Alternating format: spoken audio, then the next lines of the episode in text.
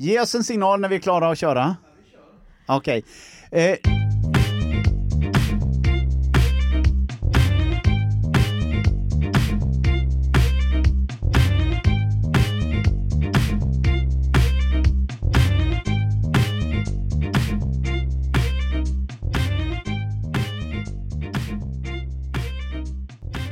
Välkommen till eftersnack med Ulli och idag Gabriel Norrgård podden där vi följer upp söndagspredikan med mera, med mera.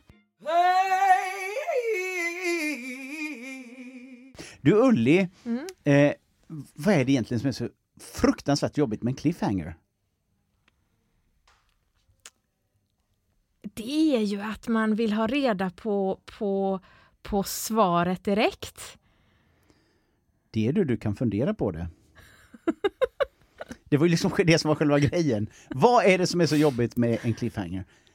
Du Fundera gick, på ra, du gick på rakt den. på en... en, eh, Mm. en eh, jag undrar om inte jag har någon sån här Norgevits? Oj! Är det, Ja du men vänta, det är någon blandning idag. av Norgevits och uh, Göteborgsvits. Kul! Ja. Vet du varför norrmännen aldrig kommer till Göteborg? Eh, och vilket håll kör de ifrån, tänker du? Ja, De, från Norge. Ja. För när de kommer på vägen in så står det backa, Backa. två kilometer. Den är urgammal! Det är Men- 70-tals Ja, visst är det det. Och dessutom så finns det ju fortsättningen. Oj! Men, men kungen i Norge, han bryr sig inte om när det står backa. Men sen kommer han inte så långt för sen står det Kungsbacka. Oh.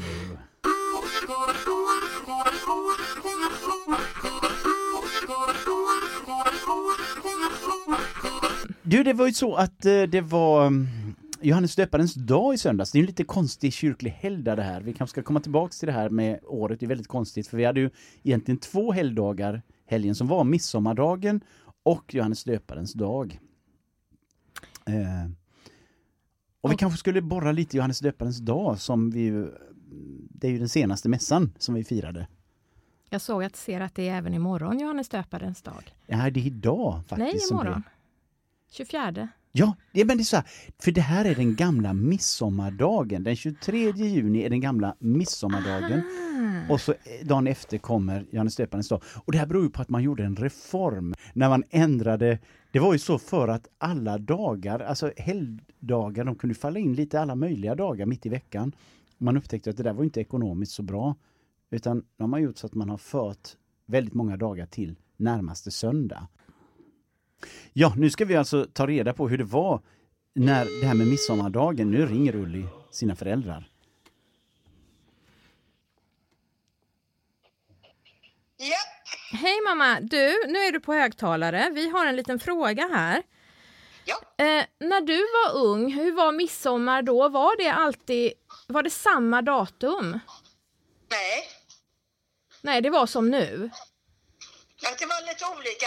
Om du talar om när jag var väldigt liten, eh, Alltså, talar du om under tio år? nej, inte under tio år. För det står något konstigt här på Wikipedia när vi tittar att, att eh, midsommar från 1953 Ja, började, f- det var då man började fira fredag, lördag, söndag. Annars var det ett fast datum.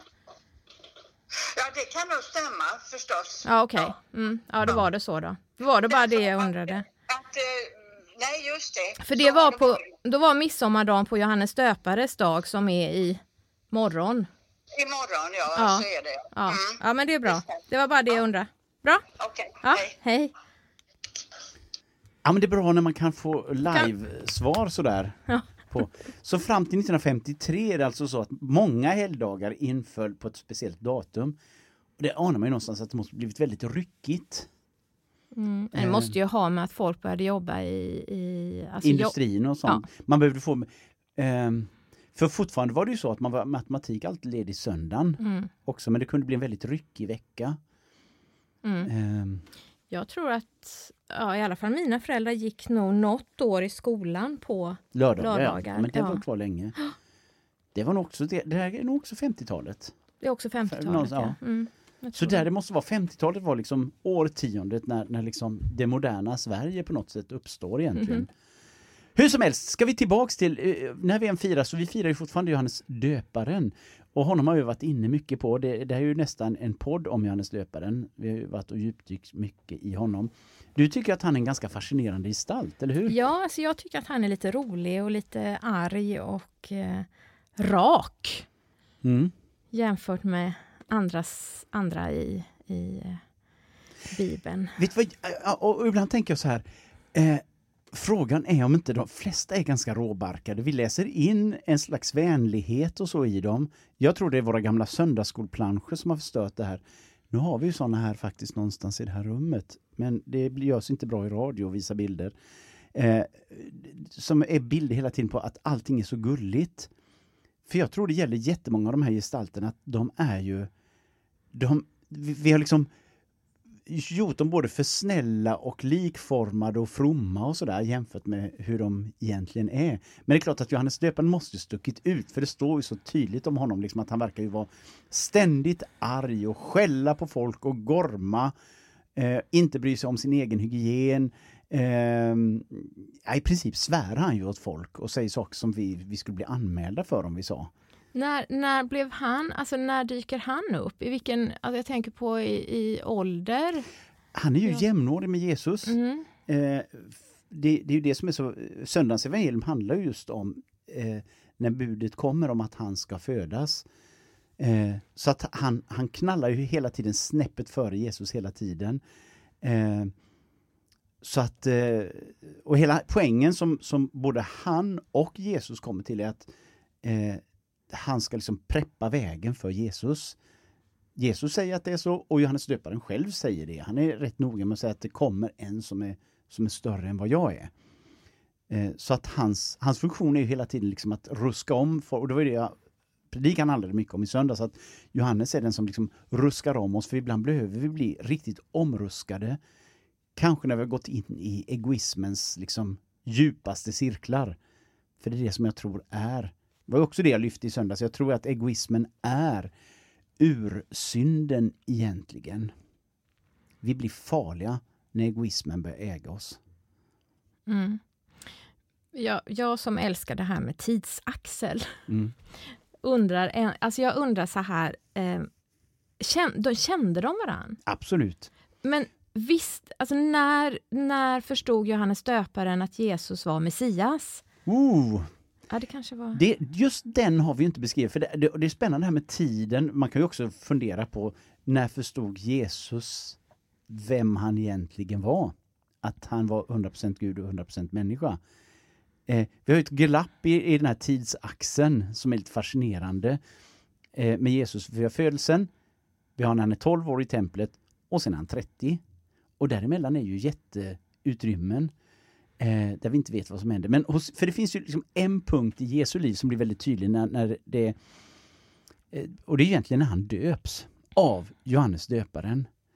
Eh, det blir som någon slags kallelse in i uppdraget som Gud och människa. Eh, det enda vi vet om Jesus är att han, han förstår ju redan vid 12 års ålder att det är någonting särskilt, för han är i templet och han undervisar de skriftlärda i templet. Eh, så att, eh, men, men jag tror det är en omöjlig sak att borra in i. När förstod han helt och hållet vem han var? Mm. Eh, däremot tror jag att Johannes döparen på något sätt måste ju, här måste ju hänt saker som inte, som inte finns beskrivna i evangelierna.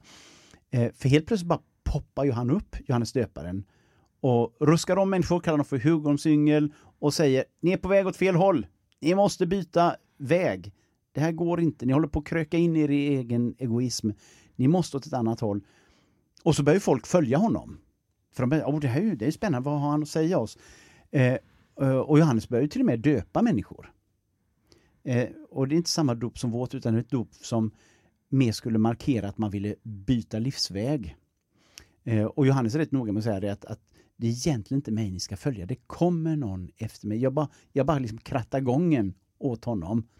Men följde Johannes Jesus? Eller gick Nej. de åt varsitt håll eller parallellt? Eller? Ja, de gick ju egentligen ganska parallellt. Mm. Eh, och det finns ju inget beskrivet hur Jesus och lärjungarna går och så Johannes också, utan för Johannes försvinner lite ur bilden när, från och med att Jesus är döpt. Jättefascinerande. Jesus döps av Johannes. Gud döps av Johannes. Det kan bli riktigt snurrigt.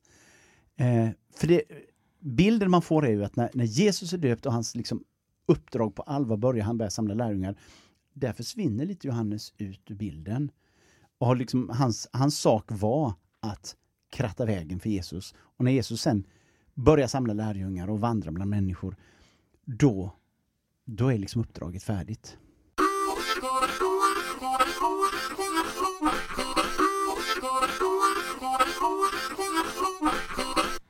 Jag går tillbaka till det här, eller tillbaka, jag går till predikan om egoism. Mm. Problemet är när egoismen blir vår ledstjärna. När det blir vår enda drivkraft. Då tror jag det blir farligt. Eh, ett spår av egoism och kanske ganska mycket, det finns där. Det gör det, det finns i oss. Eh, och jag tror det är, en, det är en livslång kamp att hantera egoismen. Um, och det, det, här slår ju över också i våra politiska system. Alltså det finns ju system som bygger på, man kan ju säga att ett kapitalistiskt system bygger på att vi ska få ut något gott av egoismen. Alltså som drivkraft. Och jag tror att den är, den är så stark. Det är därför det är så svårt att få, nu blir det väldigt politiskt, men jag tycker det är spännande. Jag tror det är den missräkningen som Marx och Engels gör egentligen i, i, polit, i det kommunistiska manifestet där man tänker ett system som i teorin är fantastiskt. Vi delar på allting lika för, för vi är av samma skrot och korn allihop och så delar vi på detta. Problemet är att man inte har räknat in egoismen som drivkraft. Den finns där alltid och det är det som gör att systemet pajar. För några lyckas ändå roffa åt sig. De som har den, blir den politiska eliten i det fallet. Eh, så att man, man måste veta den finns alltid där och lurar den där grundsynden att vilja ta över oss. Och jag tror det bara att man vågar vara vaksam på att egoismen håller hela tiden på att kämpa för att ha mig i sitt våld. Eh, jag tror vi behöver vara medvetna om det. Mm.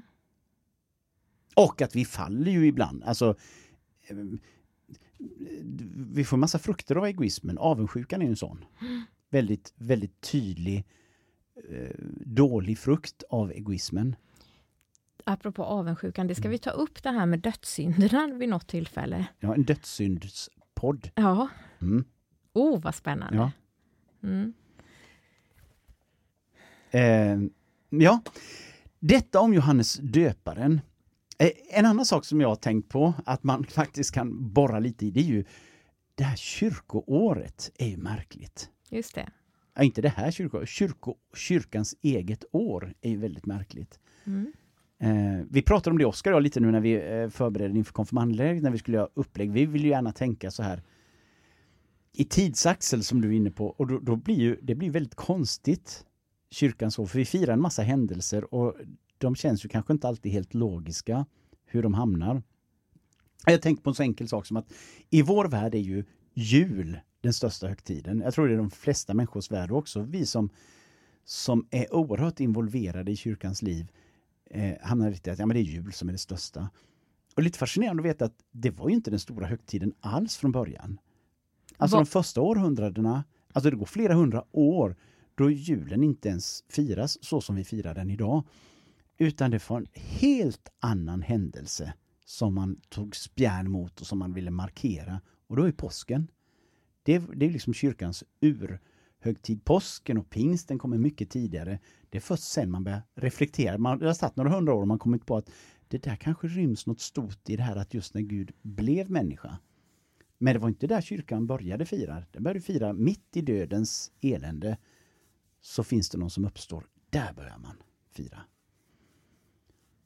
Och sen försöker man ju skapa en axel kring, kring det här med så det vi börjar med, mm. kyrkåret börjar? Egentligen, man ska, om, om man skulle vara riktigt krass skulle man kunna säga att kyrkåret skulle egentligen börja med påsken. Och, och vad börjar det med nu? Nu börjar det första söndagen i advent. Så bra jo. att jag har lärt mig det. Ja, det trodde jag du visste. Nej. jag är ju fruktansvärt ja. okunnig, ja. Ja. Nej, men det, och det är jättefascinerande hur det är liksom, och då, då blir det så konstigt också, vad är det man firar första söndagen i advent? Alltså vad handlar evangeliet om?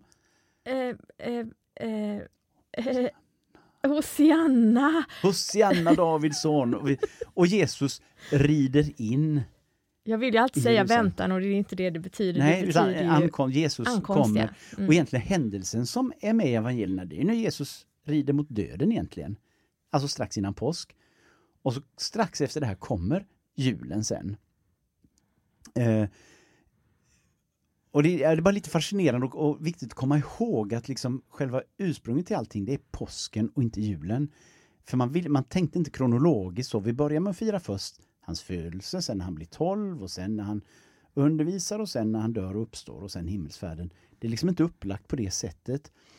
Eh, utan eh, sen har man stoppat in en del helgdagar som är kronologiskt anpassade. Till exempel vi firar bebådelsen att Jesus ska föda, eller att Maria ska föda Jesus, stoppar man in ungefär nio månader före julen. Så att det stämmer i den axeln. Eh, alltså kyrkoåret är en fascinerande uppfinning egentligen. Men liksom under många hundra år utvecklad.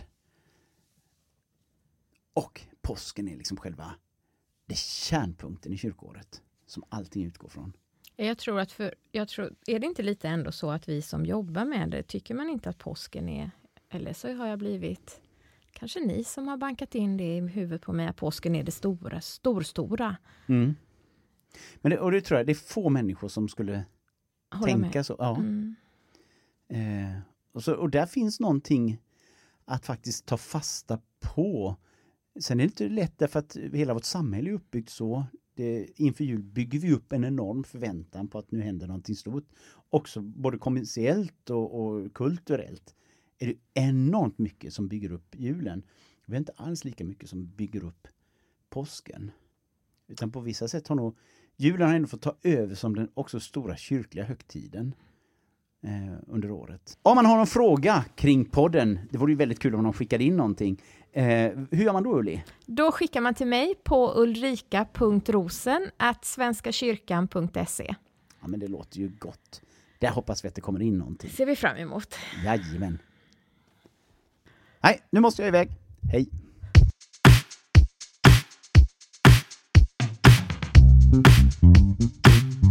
Thank